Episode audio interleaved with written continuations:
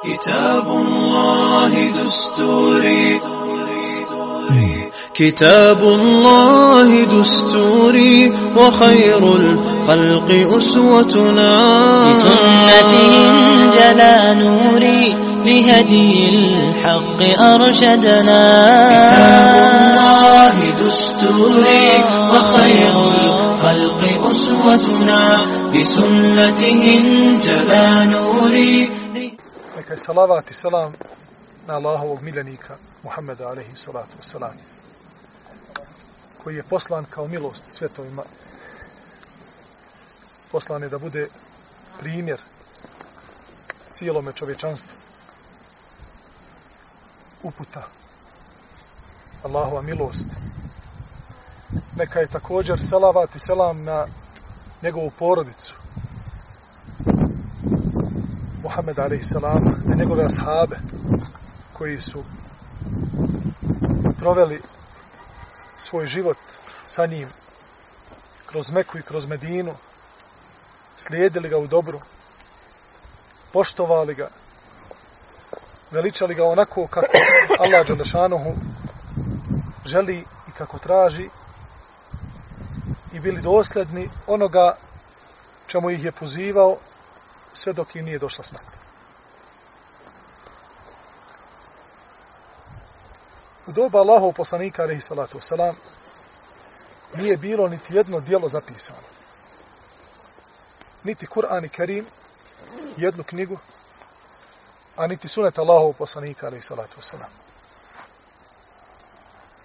Ashabi su živjeli Kur'an.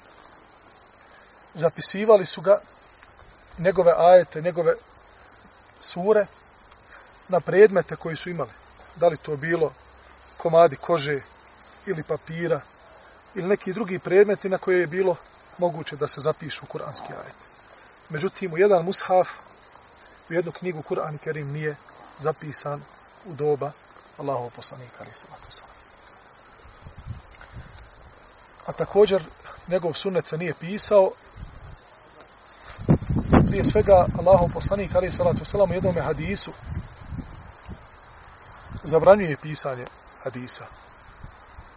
I kaže ako budete htjeli nešto da zapišete od mene zapišite Kur'an.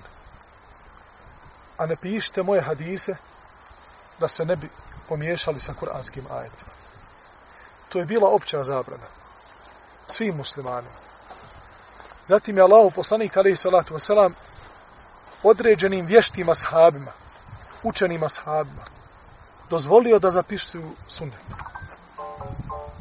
Kao što je došlo da je Abdullah ibn Amr ibn As radijallahu anhu pitao Allahu poslanika alaihi salatu wasalam Allahu poslaniće kada budem zapisivao od tebe hoću li zapisivati i onda kada si ljut i kada nisi pa kažem Allahu poslanik alaihi salatu wasalam, u istinu, ja govorim istinu i kada sam ljut i kada nisam. Ovim hadisom Allahu poslanik alaihi salatu wasalam indirektno dopušta Abdullah ibn Amru da zapisuje hadise i kroz ovaj hadis i ovaj rivajet možemo da shvatimo da Allahu poslanik alaihi salatu wasalam nije imao ništa protiv toga da Abdullah piše hadise. I on ima svoju mudavanu koja broji oko hiljadu i, i više hadisa koje je zapisao od Allahov poslanika, ali salatu sallam. I on nije bio jedini ashab koji je zapisivao hadise. Međutim, osnova je bila da su ashabi pamtili hadise. I to iz više razloga. Ključni razlog je zabranjivanje pisanja, a naređivanje učenja na pamet hadisa Allahov poslanika, alaih salatu selam, to što čovjek koji pamti i koji nema mogućnost da zapiše, lakše je zapamti stvar. Bilo koja stvar bila u pitanju. Sada kada se proširili mobiteli, kada svako od nas, pa čak i malo dijete, ima svoj lični mobitel, pitam ja ove starije koji su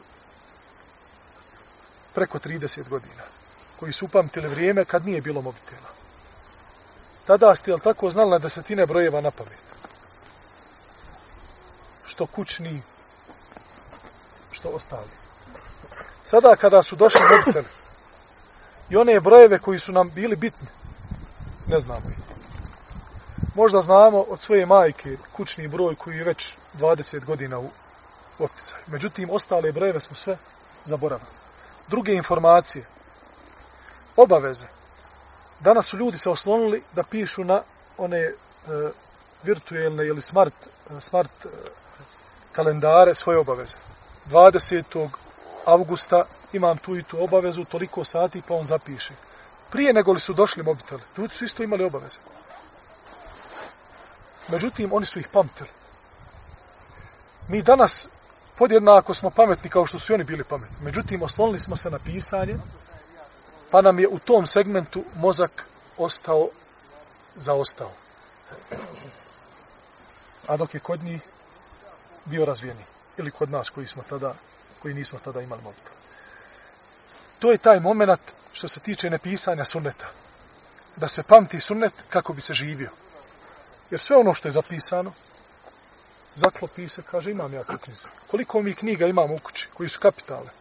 Samo zbog toga što su napisane fino, imaju fine korice i stavili smo ih u regal, kaže, doće dan kad ću ih pročitati. Nikad ih nismo pročitali. A, to su, a te knjige su od velike važnosti za naš život, za našu svakodnevnicu, za našu vjeru. I onda ashabi žive sunnet Allahu poslanika, alaihi salatu wasalam. Pamte ga na pamet. I prenose ga na sljedeću generaciju. Sve do Omera ibn Abdulaziza. Omer ibn Abdulaziz dolazi kao halifa muslimana redvanullahi alaihi i pošto u to vrijeme su mnoge države primile već islam. Mnogi gradovi već primili islam, čak koji nisu Arapi. I onda Omer ibn Abdulaziz se počinje da plaši da će ljudi zapostaviti sunnet i da će se izgubiti generacija ashaba i oni stariji tabina koji znaju sunnet na pamet i da će sunnet nestati. Pa je onda naredio da se sunet zapiše. I tada počinju prvi autori koji pišu sunet Allahov poslanika, ali salatu selam, u knjige.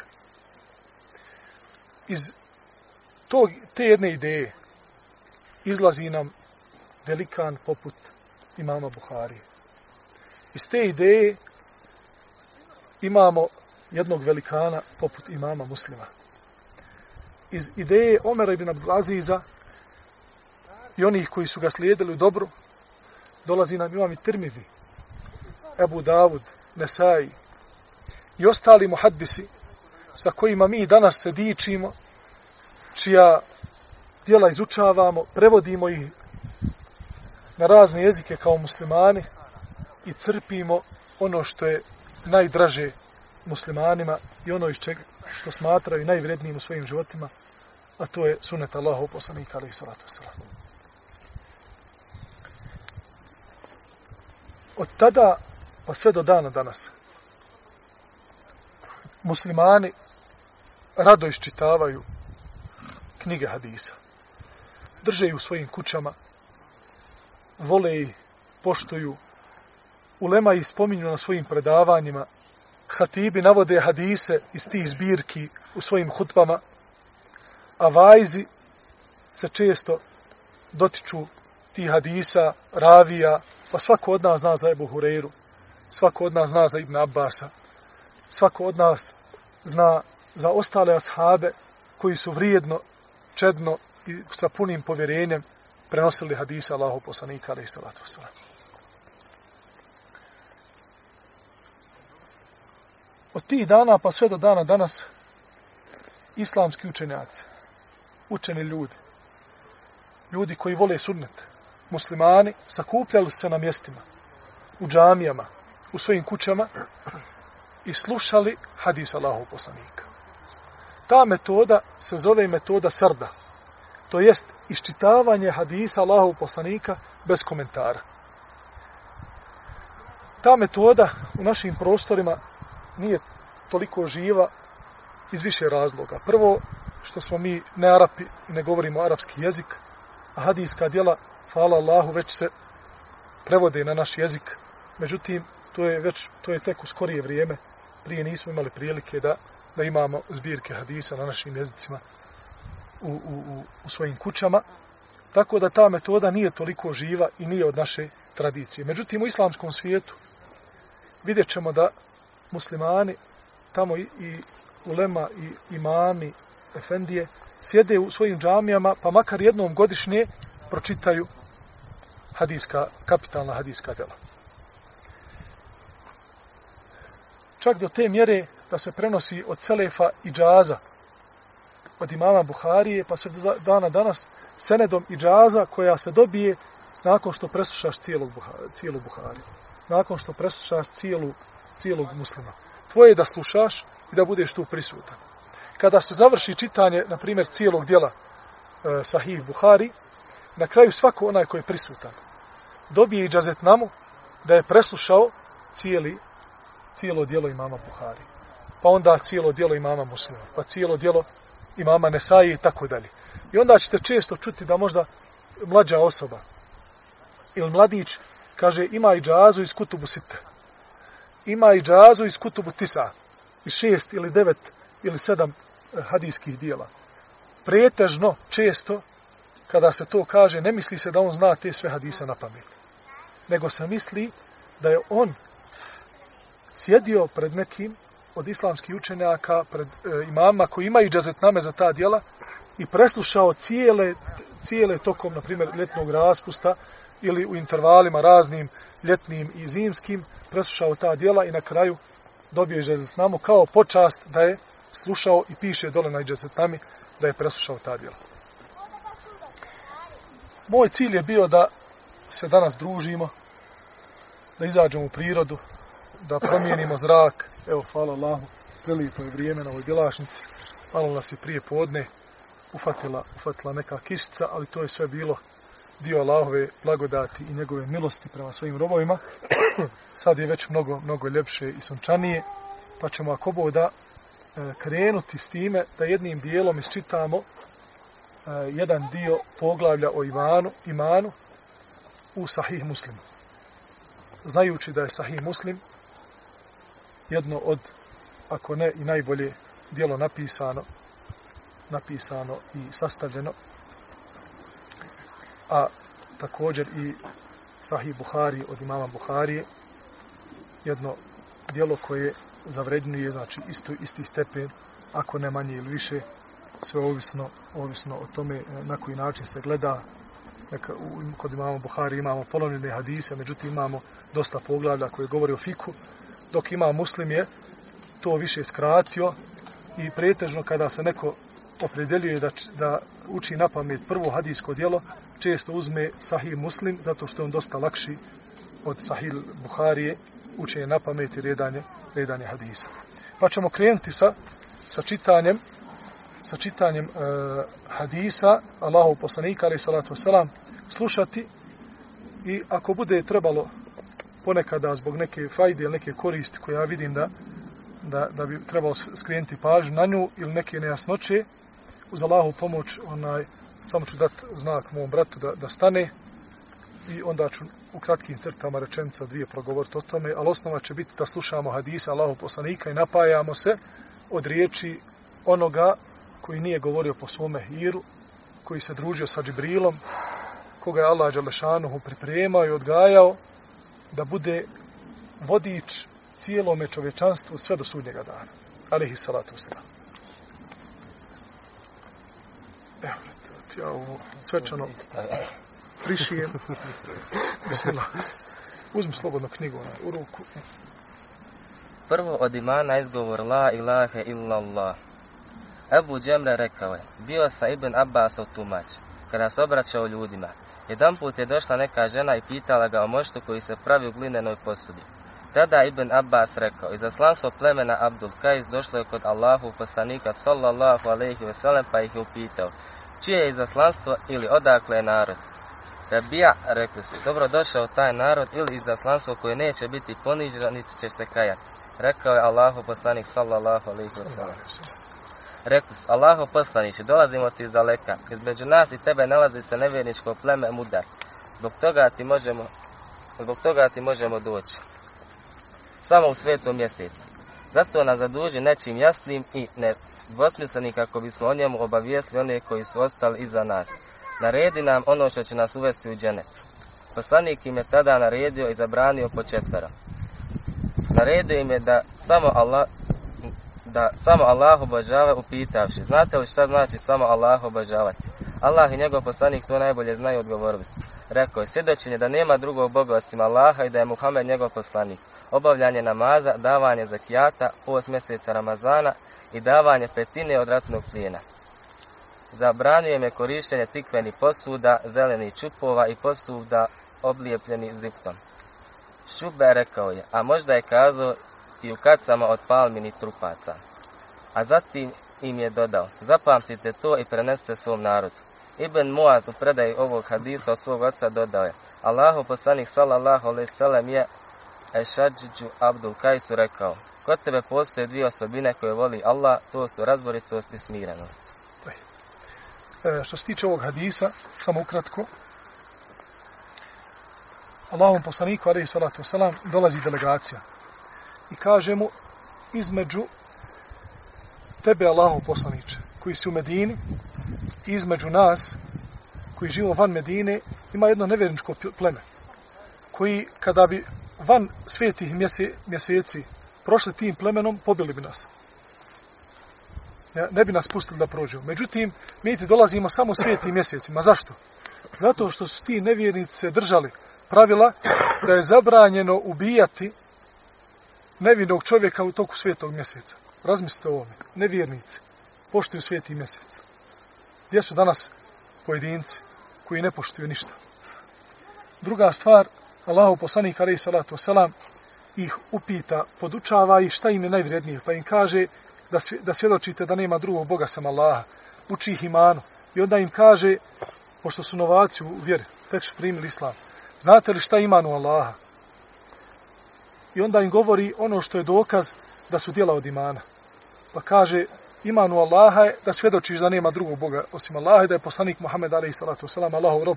Zatim obavljaj namaza post mjeseca Ramazana. Allahov poslanik u ovome hadisu ubraja obavljanje namaza post mjeseca Ramazana i ostala dobra djela ubraja i u iman što je dokaz kod ehli sunnata vol džamata da su djela da su djela od imana. Smela drugi hadis. Od Ebu Hureyre radi Allah onuhu prenosi se da je rekao Allahu poslanik sallallahu alaihi wa sallam jednog dana izišao među svijet pa mu je prišao jedan čovjek i upitao ga Allahu poslaniće šta iman? Odgovorio mu, odgovorio mu je da vjeruješ u Allaha, u njegove meleke, knjigu, susre s njim, njegove poslanike i da vjeruješ u proživljenje na sudnjem danu. Upite Allahu poslaniće šta je Islam? Islam je odgovorio da obožavaš Allaha ne pridružujući mu ništa, klanjaš propisane namaze, dijeliš propisani zekat i postiš Ramazan. Allah poslanić upita ponovo, a šta je ihsan? Da obožavaš Allaha kao da ga vidiš, reče on, jer iako ti njega ne vidiš, on tebe vidi. Allahu poslanić upita, kada će biti sudnji dan? Pitani ne zna ništa više od onoga koji pita odgovorimo. Međutim, obavješite o njegovim preznacima. Preznaci su kada robinja sebi rodi gospodara, kada goli bosonogi postanu predvodnici narodu i kada se pastiri ovaca i koza budu nadmetali u gradnje visokih palača. Pet stvari zna samo Allah, zatim mu je pručio ajet. Sam prije. Samo prije. Jel, Allah, samo da prije što prije sa ajet. Jel se čuje gore dovoljno? Čuje se, a? Samo Allah zna kad će smak svijeta nastupiti. Samo on spušta kišu i samo zna šta je u matercama a čovjek ne zna šta će sutra zaraditi i ne zna čovjek u kojoj će zemlji umrijeti. Allah uistinu sve zna i o svemu je obaviješten. Taj čovjek zatim ode, a Allahu poslanik sallallahu alejhi ve sellem reče: "Dovedite mi tog čovjeka." Oni krenuše da ga dovedu, međutim ne vidjaše ništa. Allah poslanik sallallahu alejhi ve sellem tada im reče: "To je bio Džibril, došao je da pouči ljude njihovoj vjeri."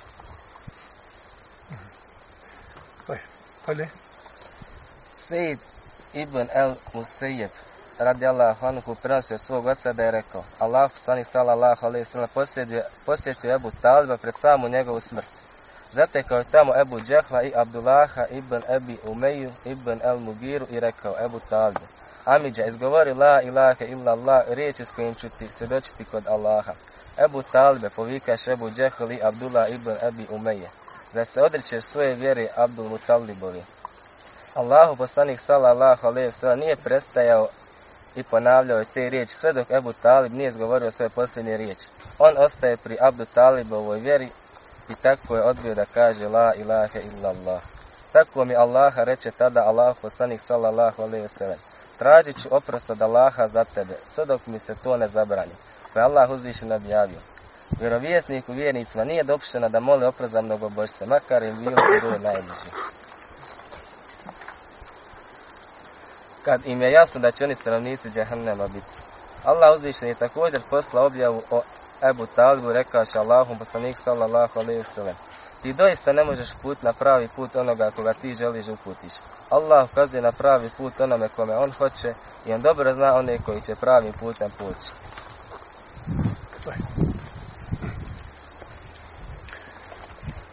U ovom prošlom hadisu, kao što smo vidjeli, da ima muslim prenosi i predaju Allahov poslanika, ali salatu selam, i njegovog e, dijaloga sa njegovim amidžom. Tu su također bile ostale, ostale glavešine Kurešija, i Allahov poslanik, ali salatu selam, do zadnjeg momenta ne gubi nadu i poziva svoga amidžu la ilaha illallah. Tjevši time da njegov amidža prouči ili kaže, izgovori la ilaha illallah Muhammedu Rasulullah i nakon toga pusti dušu. Jer je bilo bez ikakve sumlje onaj jedno to od zadnjih njegovih trenutaka na ovom svijetu. Svi su bili ubijeđeni da će da je to talibu smrtna postelja i da će nakon toga preseliti. Ovaj dio hadisa je dokaz da ko kaže la ilaha illallah postaje musliman da ko izgovori la ilaha ilallah, da se prema njemu obhodimo kao da je, da je musliman. I da onaj ko izgovori la ilaha ilallah prije smrti, da inša Allah ta'ala taj čovjek skončao sa ovoga svijeta, Allah subhanahu wa ta'ala će ga uvesti u džennet. Jer kaže Allah poslanik sallallahu alaihi wa sallam u drugome hadisu, koji je također dostane više rivajeta ima ovog hadisa, men kana ahiru kalami la ilaha illallah, dehal el dženne. Kome zadnje riječi prije nego što ode sa ovoga svijeta budu la ilaha illallah, ući će u džennet. Također, ovaj hadis nam ukazuje na tu stalnu borbu između sledbenika dobra istine između sledbenika zablude. Da će to biti do sudnjega dana i da će svako pozivati sebi. On nikad neće odustati da pozivaju zabludu. Jer Eh, oni koji su na zabludi, oni hoće da što više ljudi bude u zabludi. I to je, naprijed, to je cilj i blisu. I blisu je cilj, on zna da će skončati u vatri. Da će biti u džehennemu. I cilj mu je da što više ljudi uđe zajedno sa njim u vatru. I on će njima održati hudbu u po džehennema. Allah će mu dozvoliti. I reći će im, kad im se bude obraćao, fela telumuni, volumu enfusekum, nemojte mene kriv za to. Sebi same krivite. Što ste me slijedili? Niste me čak ni vidjeli, a slušali ste me. Proklinjali ste me na, na, na, na svakom namazu. Uticali ste se Allahu Đelešanu, kako ste učili Kur'ana, mene ste slušali. A pet puta ste se Allahu Đelešanu, čak i muslimani, klanjali dnevno, a opet ste se znali često uglušiti u njegovim naredbama. A kamali oni koji su zabludi, koji nikako ne znaju za Allaha, oni slijede šeitana i čak se diče time onaj što ga slijede dan i noć. I oni žele to. Međutim, oni koji su na istini, oni žele ljudima hajr do, do kraja. Nikad ne odustaju od njih. Zašto pozivaju oni koji pozivaju islam? Pozivaju da bi se ljudi spasili vatre. Zato što ih vole, ne zato što ih mrze. I jedini onaj ko te poziva u istinu, znaje da ti je to iskreni prijatelj koji te voli i koji ti želi hajr. Onaj ko te poziva na grijeh, ko te poziva na, na neistinu, on ti nije istinski prijatelj. Sljedeći hadis.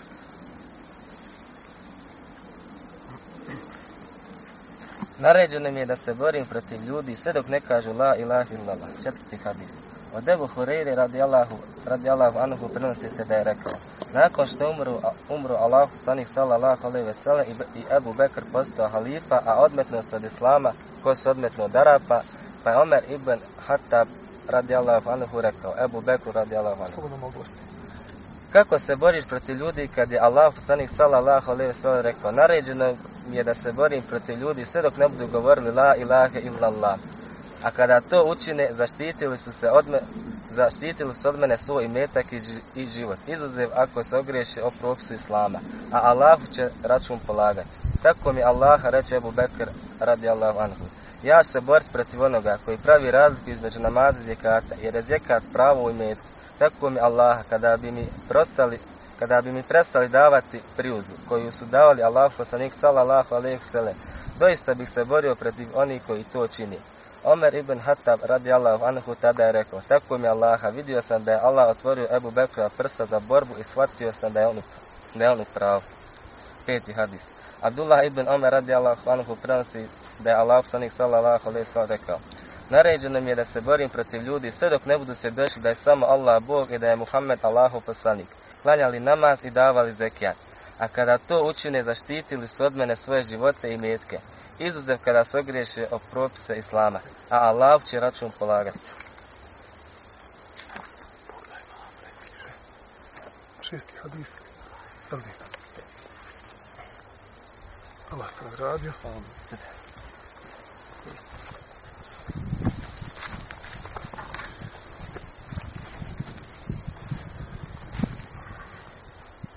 Samo ti sam skonut sjedi turski ako ti laše šesti hadis.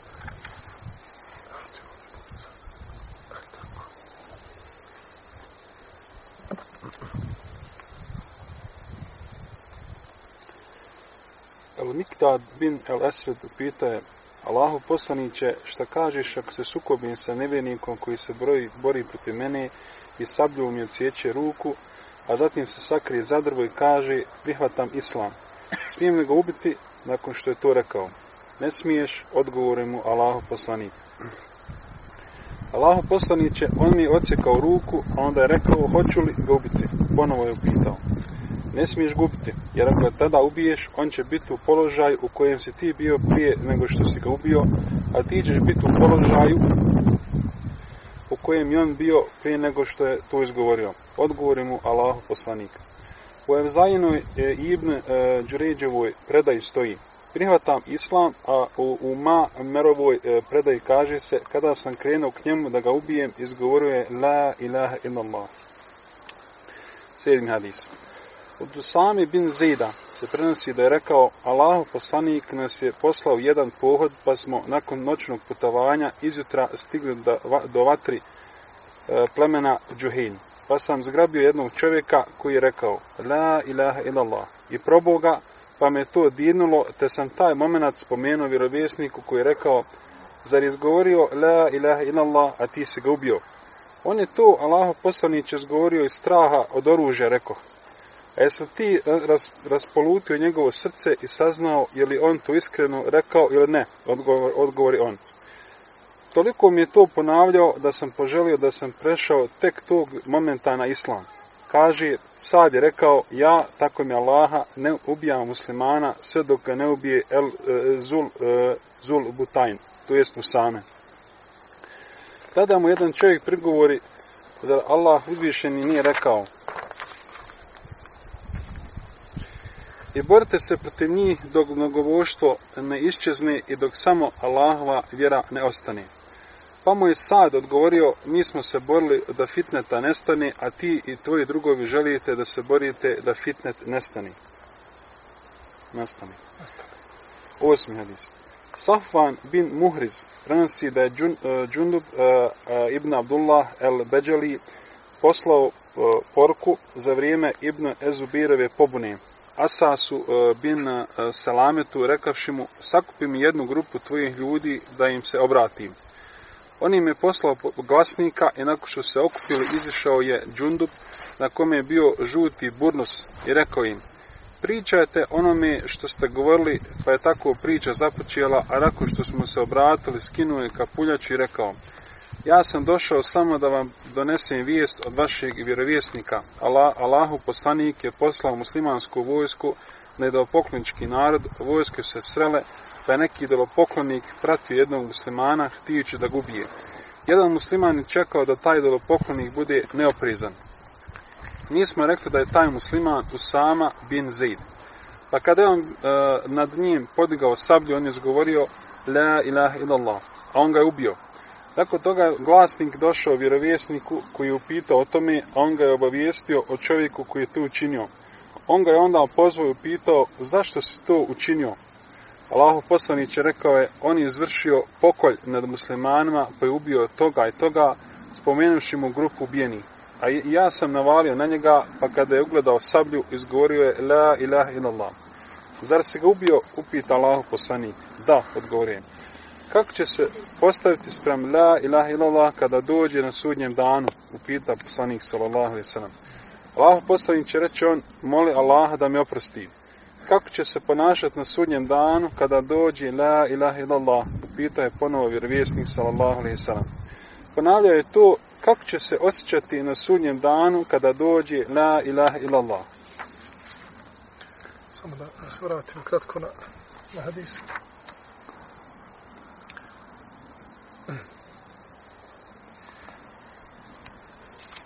U sedmom hadisu primjećao da Usama ibn Zaid je ubio čovjeka koji kada je ugledao njegovu sablju izgovorio la ilaha illallah. A u osmom hadisu spominje se glasnik koji je otišao Allahom poslaniku, ali salatu wasalam, obavijestio ga o tome. Pa Usama ibn Zaid dolazi kod Allahov poslanika, ali salatu selam, i pokušava da opravda svoj čin, rekavši da je taj čovjek počinio pokolj nad muslimanima. Da je pobio muslimane. I da nakon što je vidio sablju koja se diže iznad njegove glave i njegova smrt je bila neizbježna, izgovara la ilaha illallah. I svi smo vidjeli odgovor Allahov poslanika, alaih salatu wasalam. Na koji način je Allahov poslanik pridavao važnost la ilaha illallah. Riječima la ilaha illallah.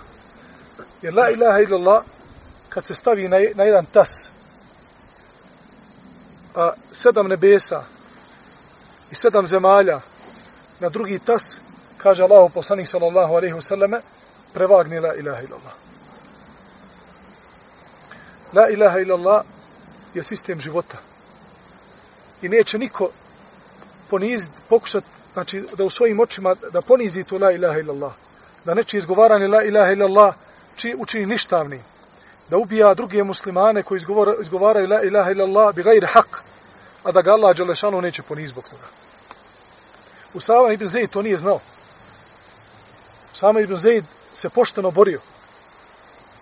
Međutim, pored toga, Allahu poslanik sallallahu alejhi ve selleme toliko ga je kritikovao zbog tog čina da u sedmom hadisu kaže Usama ibn Zaid, volio sam da nisam primio islam do tog trenutka. Toliko se osjećao, osjećao ružno. I onda ima jedan moment onaj kada e, kaže Sad je rekao, ja tako mi Allaha ne ubijam muslimana sve dok ga ne ubije ko Usama radijallahu. To jeste, ja sam oprezan u pogledu na, na druge ljude kao što je Usama oprezan nakon kritike Allahov poslanika sallallahu alejhi ve sellem. Da ne ubija nikoga ko izgovori la ilaha. Tada mu jedan čovjek pr prigovori. Zar Allah uzvišeni nije rekao? Komu je prigovorio? Prigovorio im je onaj koji danas ima mnoštvo među muslimanima. Mnoštvo teologa. Mnoštvo onih koji tumače Allahu vjeru i Allahu knjigu onako kako njima godi, kako njima paše. Njihovim strastvima, njihovim nagonima, njihovim razmišljanjima, ne gledajući na, na, na, na kuranske ajete onako kako su gledale prve generacije. Ne vraćaju se na njih. Jer to je bitno, islamski učenjaci kada govore o Kur'anu i sunnetu Kad spominju jedno zlatno pravilo koje ne trebamo nikad zaboraviti. Ittiba'u al-Qur'ani wa sunna ala fahmi salaf al-umma. Slijedeње Kur'ana i sunneta na način kako su to razumjele prve generacije muslimana. To je pravi put. I onda mu ovaj čovjek kaže, pregovaram, i kaže kako, kako ćeš to sebi onaj, reći da nećeš ubiti nikoga dok ga ne ubije sama, to je toliko ćeš biti oprezan kada se boriš protiv ljudi, kaže, za nije Allah rekao u Kur'an Kerimu, i borite se protiv njih dok mnogoboštvo fitne ne iščeznu i dok samo Allahova vjera ne ostane. Šta mu sad odgovara? Kaže, mi smo se borili da fitneta nestane. A ti i tvoji drugovi želite da se borite da fitnet nastane. Zar to ne vidimo danas svojim očima? Da ljudi uzmaju kuranske ajete i tim kuranskim ajetima pravi fitnet. Ashabi to nisu činili. Nigdje nećete vidjeti da neko od ashaba Allahu poslanika ali salatu wasalam uzeo kuranske ajete i time napravio fitnelu po zemlji. A danas imamo ljude koji uzimaju kuranske ajete i s njima žele da da ožive fitne. Allah nas sačuvao od njih i njihovih ruku i njihovih dijela. Deveti hadis od Osman radijallahu anhu.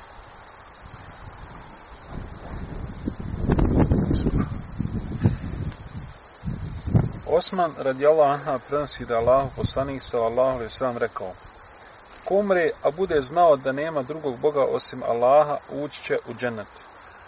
Deseti hadis. Ebu Hurere radijallahu anha ili Ebu Sid radijallahu anha dvomi se El Eameš prenosi na dan bitke na Tebuku narod je zadesla glad, pa se obratili. Kada bi nam dopustio Allahu poslaniće da zakoljemo deve, vodonoše, pa da ih jedemo i od njih uzmemo mast.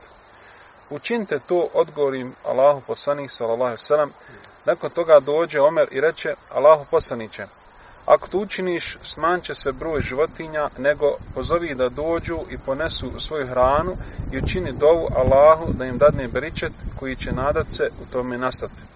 Da, reče Allahu poslanik, sallallahu sallam, i zatraži kožni tepih koji je postavio, a onda zatraži da donesu višak svoje hrani. Tada jedan čovjek donese pregršt prohe kukuruze, drugi pregršt hurmi, treći komad hljeba, tako da se na tom kožnom tepihu sakupilo nešto malo hrani.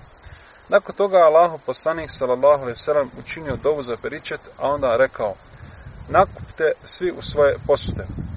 Svi se nakupili u svoje posude, tako da niko nije ostavio posudu, a da je nije napunio. Zatim su jeli sve dok se nisu najeli, a višak su ostali. Tada je Allahu poslanik sallallahu alejhi ve sellem rekao: Svjedočim da nema drugog Boga osim Allaha i da sam ja Allahu poslanik. Rob neće sresti Allaha sa njima, ovim riječima, ne sumnjajući u njih, a da mu dženet bude zabranjen. 11. hadis. Es Sunabihi prenosi od Ubade bin Es Samita radi Allahanha da je rekao Ušao sam mu na smrtnom času, pa, mu zapl pa sam zaplakao i on mi reče, a on mi reče, polako, zašto plaćiš? tako mi Allaha, kada bi bio zamaljen da svjedočim, svjedočio bi za tebe, kada bi se zagovarao za mene, ja bi zagovarao za tebe i kada bi mogao, učinio bi ti korist. Zatim je rekao, tako mi Allaha, nema nijednog hadisa koji sam čuo od Allahu poslanika, sallallahu alaihi sallam, u kome je dobro, a da vam ga nisam saopćio, izuzev jednog koji ću vam danas saopćiti, jer sam na kraju života. Čuo sam Allahu poslanika, sallallahu alaihi sallam, da je rekao, Allah će zabraniti vatri, da prži onoga koji bude svjedočio da nema drugog Boga osim Allaha i da je Muhammed Allahu poslanik. 12. hadis. Prenosi se od Ebu Hurere radijallahu anha da je rekao, radijallahu anha, Jednom prilikom sjedili smo okupljeni od oko Allahu poslanika sallallahu alejhi ve sellem. U našem društvu bili su Ebu Bekr i Omer radijallahu anhum. Poslanik sallallahu alejhi ve sellem iznenada je ustao i otišao od nas. Nije se zadugo vratio. Pobojali smo se da mu se nešto desilo, pa nas je to zastrašilo. Ustali smo da ga potražimo. Bio sam prvi koji, koji je to upašlo. Krenuo sam da tražim Allahog poslanika sallallahu alejhi ve sellem, došao sam do ensarijskog voćnjaka koji je pripadao plemenu Nedžar. Kružio sam oko njega, ne bih našao ulaz, ali ga ne nađo. Iznada sam vidio potočić kako ulazi kroz ogradu voćnjaka od vanjskog bunara. Skupio sam se koliko sam mogao kao listica da bi se provukao i došao sam kod Allahu poslanika. Poslanik sallallahu alejhi ve sellem je tada upitao: "Je li to Ebu Hurajre?" Rekao sam: "Jest, Allah poslanice." Upitao je: "Šta te muči?" Rekao sam: "Bio si s nama, pa si otišao i zadržao se. Pobojali smo se da se nešto desilo, to nas je uplašilo. Prvi sam se pobojao, došao sam i uvukao se ovaj voćnjak, kao što se listica uvlači, ljudi koji su ostali za mene su također uplašeni. Poslanik sallallahu alejhi ve sellem je na to rekao Ebu Hurajre i dao mi je svoje dvije papuće rekao idi sa ove moje dvije papuće pa koga god izvan voćnjaka sretniš da iskreno vjeruje da nema Boga osim Allaha obradu ga dženetom. Prvo sam sreo Omera kada me vidio pitao je šta ćete te dvije papuće Ebu Hurere? Ove dvije papuće su papuće Allahu poslanika sallallahu alejhi ve. Poslao me s njima da koga god sretnijem ko iskreno vjeruje da nema Boga osim Allaha, obradujem dženetom. Ebu Horere dalje priča da ga je Omer radijal Anhu nakon što je to čuo udario u prsa i posadio na stražnicu, a zatim rekao vrati se Ebu Horere. Vratio sam se Allahom poslaniku sallallahu alejhi ve sellem suzdržavajući od plaća. Omer me pratio i išao za mnom. Kada me poslanik sallallahu alejhi ve sellem ugledao, upitao me: "Šta se desilo Ebu Hurajre?" Rekao sam: "Sreo sam Omera, pa sam ga obavijestio onome s čime se me poslao, pa me udario u prsa i posadio me na stražnicu." Poslanik sallallahu alejhi ve sellem rekao: "Vrati se Ebu Hurajre." Allahov poslanik sallallahu alejhi ve sellem je nakon toga upitao Omera: "Omere, šta te navelo na to što si uradio?" Omer je upitao: Allaho poslaniće, iskupio bi te i iskupio bi te i ocem i majkom, je, je, jesi li ti uistinu poslao Ebu Horeru sa svojim papućama da dženetom obraduje svakog onoga ko istinski vjeruje da nema Boga osim Allaha. Da, rekao je. Nemoj to raditi, rekao je Omer, jer ja se bojim da se ljudi neće osloniti samo na to, nego ih ostavi neka se trude i rade. Allahu poslanik sallallahu alaihi sellem na to reče, ostavi ih. 13. hadis Da, kratko. Isto.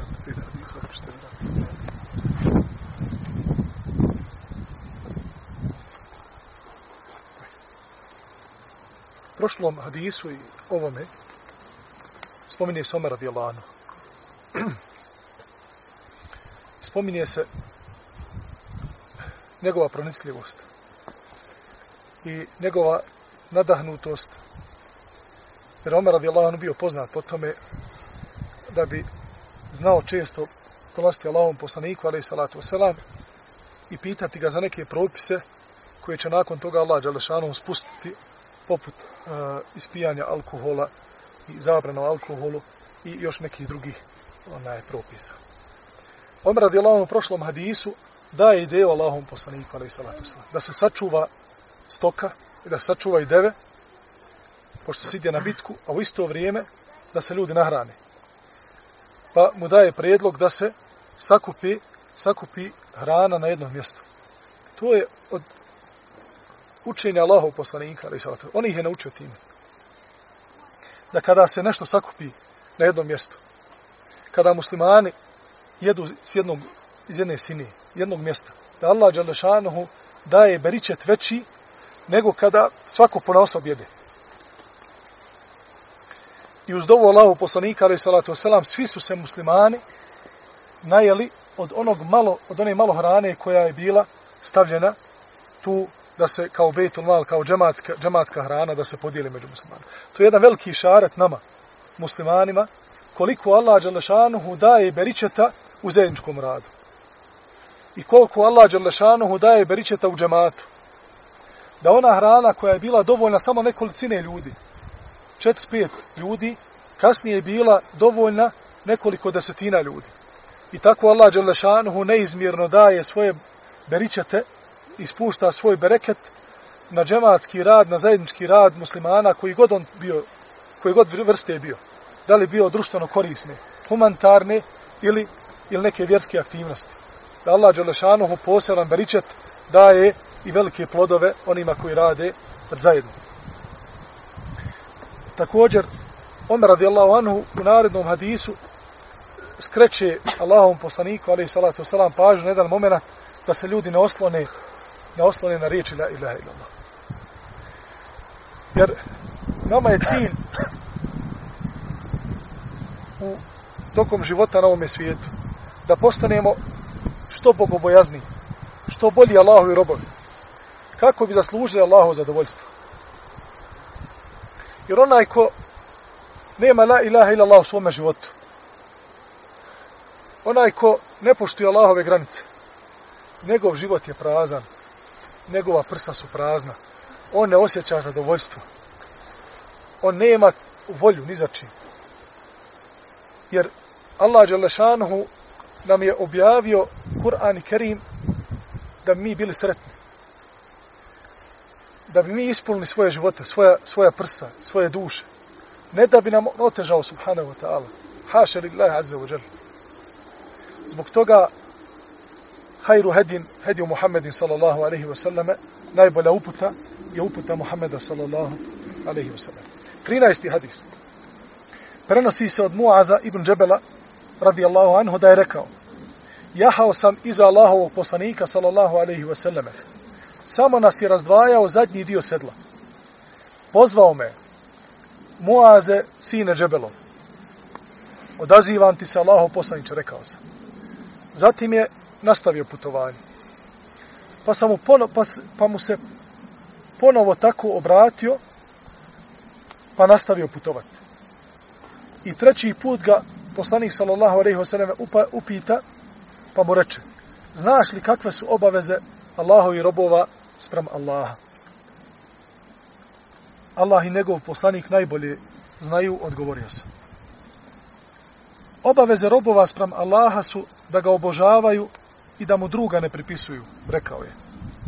Zatim je jahao jedno vrijeme, a zatim je ponovo zovnuo. Muaze sine Džebelov, odazivam ti se Allahu poslaniče, rekao sam. A znaš li kakve su obaveze Allaha spram svojih robova, ukoliko oni to učine,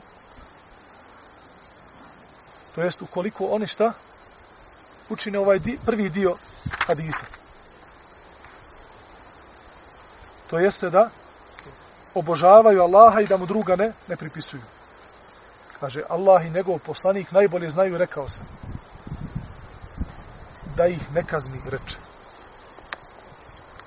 U 14. hadisu Mahmud ibn Rabija radijallahu anhu kaže došavši u Medinu sreo sam Itbana ibn Malika i rekao mu jedan hadis od tebe je dospio do mene. Odgovorio je vid mi je dobro, vid mi je bio oslabio. Pa sam proučio Allahom poslaniku sallallahu alaihi wa sallame volio bih da mi dođeš, pa sam poručio Allahom poslaniku sallallahu alaihi wasallam, volio bih da mi dođeš i klanjaš u mojoj kući i tako je učiniš mu salom, mjestom za klanjanje. Došao mi je vjerovjesnik sallallahu alaihi wasallam i neki ashabi. Kako je Allah tio da bude? Ušao je i klanjao u mojoj kući. Dok su ashabi međusobno razgovarali i optuživali Malika ibn Duhšuma da je najviše kriv za to za licemjerstvo i postupke licemjera. Rekavši, željeli su da ga prokune, da, da ga prokune, pa da propadne i željeli su da ga snađe kakvo zlo. Pa kada je Allah poslanik sallallahu alejhi ve selleme završio namaz, rekao je: Zar on ne svjedoči da nema drugog Boga osim Allaha i da sam ja Allahov poslanik? On to kaže, ali to nije u njegovom srcu, rekoše oni niko ko bude svjedočio da nema Boga osim Allaha i da sam ja Allahov poslanik, neće ući u vatru, niti će ga ona progutati. Enes je rekao, zadivio me taj hadis, pa sam svome sinu rekao, zapiši ga. I on ga je zapisao. Definicije odlike imana, 15. hadis.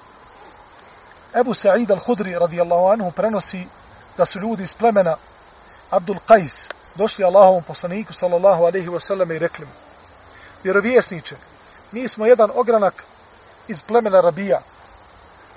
Između nas i tebe su nevjernici mudara.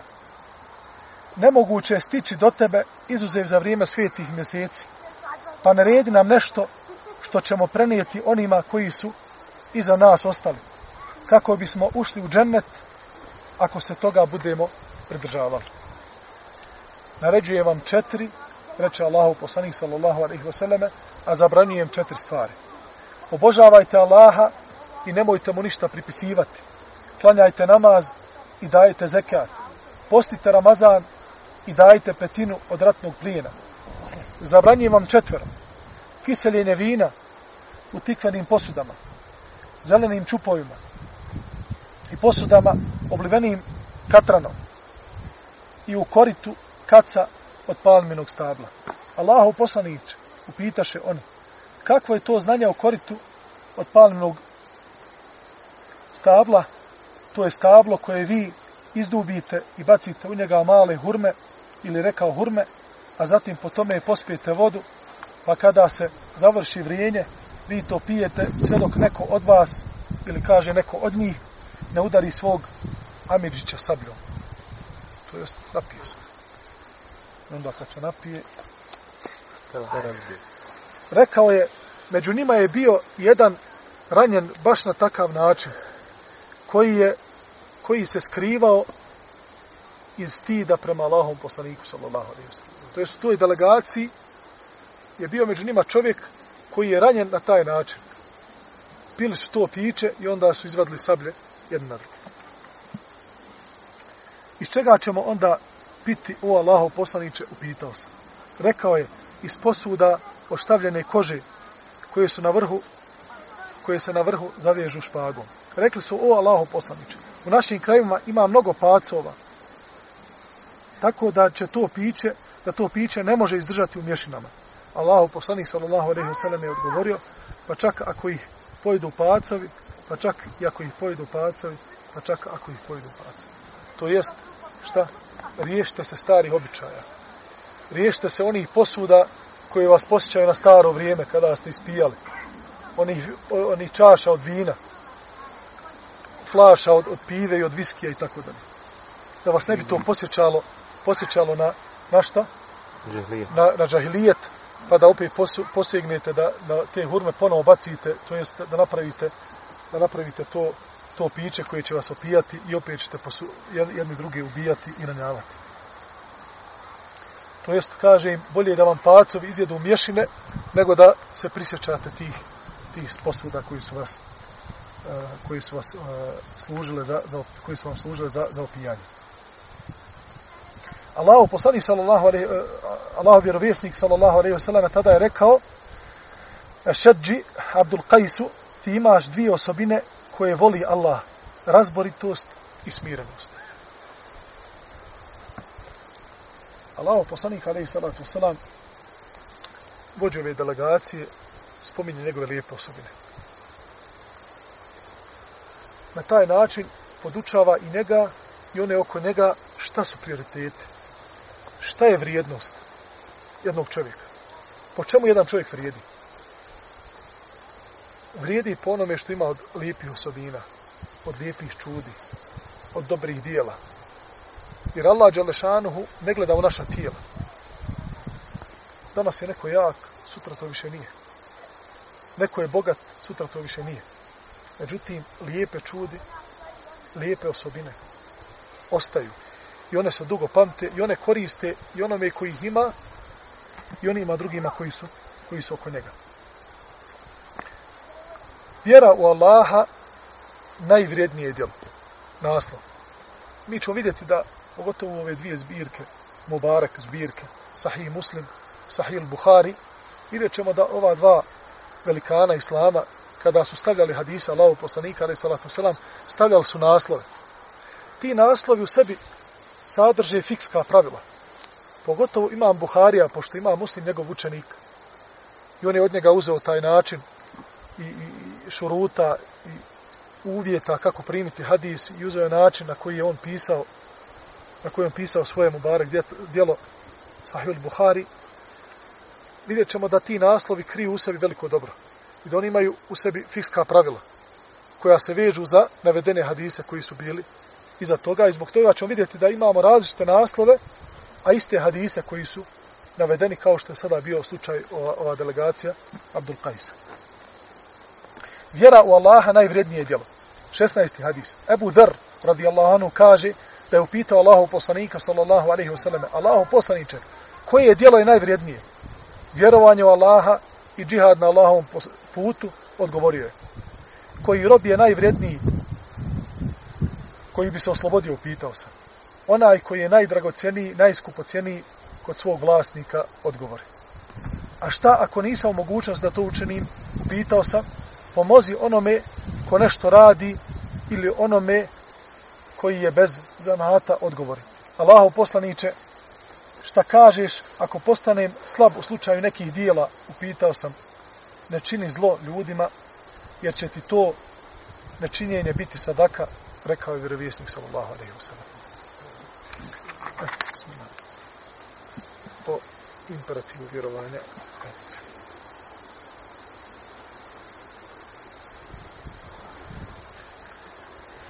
O imperativu vjerovanja i traženju Allahu utočišta od šetanskog došetavanja. 17. Ebu Hurere radijallahu anhu prenosi da Allahu poslanik sallallahu sallam rekao Ljudi vas neće prestati pitati o znanju sve dok ne kažu ovo je Allah stvorio, a ko je Allah stvorio. Dok sam bio u poslaniku sallallahu sallam džami, došli su neki beduini i pitali me Ebu Hurere, ovo je Allah koji nas je stvorio, a ko je stvorio Allaha? On je tada uzeo kamenčiće u svoju ruku i bacao ih na njih, rekavši, ustanite, ustanite. Istinu je rekao moj miljenik, salallahu alaihi sallam. Ebu Horere radi Allahu prenosi od Allahu poslanika, salallahu alaihi sallam, da je rekao, stalno će vas ljudi pitati o znanju, sve dok ne kažu, ovo je Allah, naš stvoritelj, a ko je Allaha stvorio.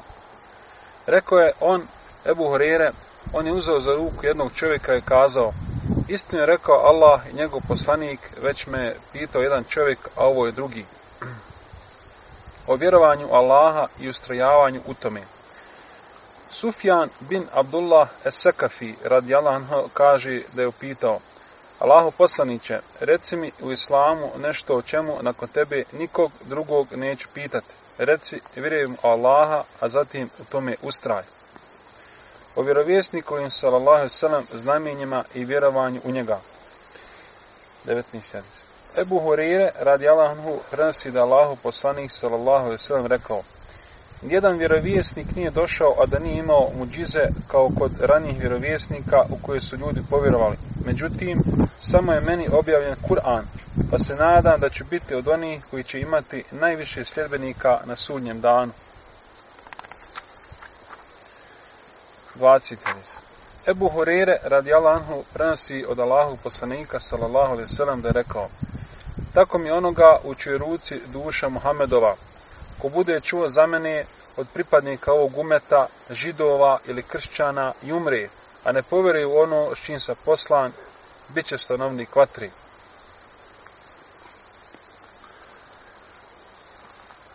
S ovim 20. hadisom od Allahov poslanika sallallahu alaihi wasallam napravit ćemo jednu pauzu pripremut ćemo se za podne namaz ako ali prije nego što završim e, želio bi ovo već 20 hadisa ali tako prošlo? Da se vratim unazad e, nekoliko godina čak možda nekih desetak, osam, deset godina kada smo slušali Sahih al-Buhari odlazili smo u mesčid u Damasku u 9 ujutru. I slušali bi sve do podne, bez pauze. Pa bi napravili pauzu za podne namaz. Nakon podne namaza slušali bi hadisa do ikindije.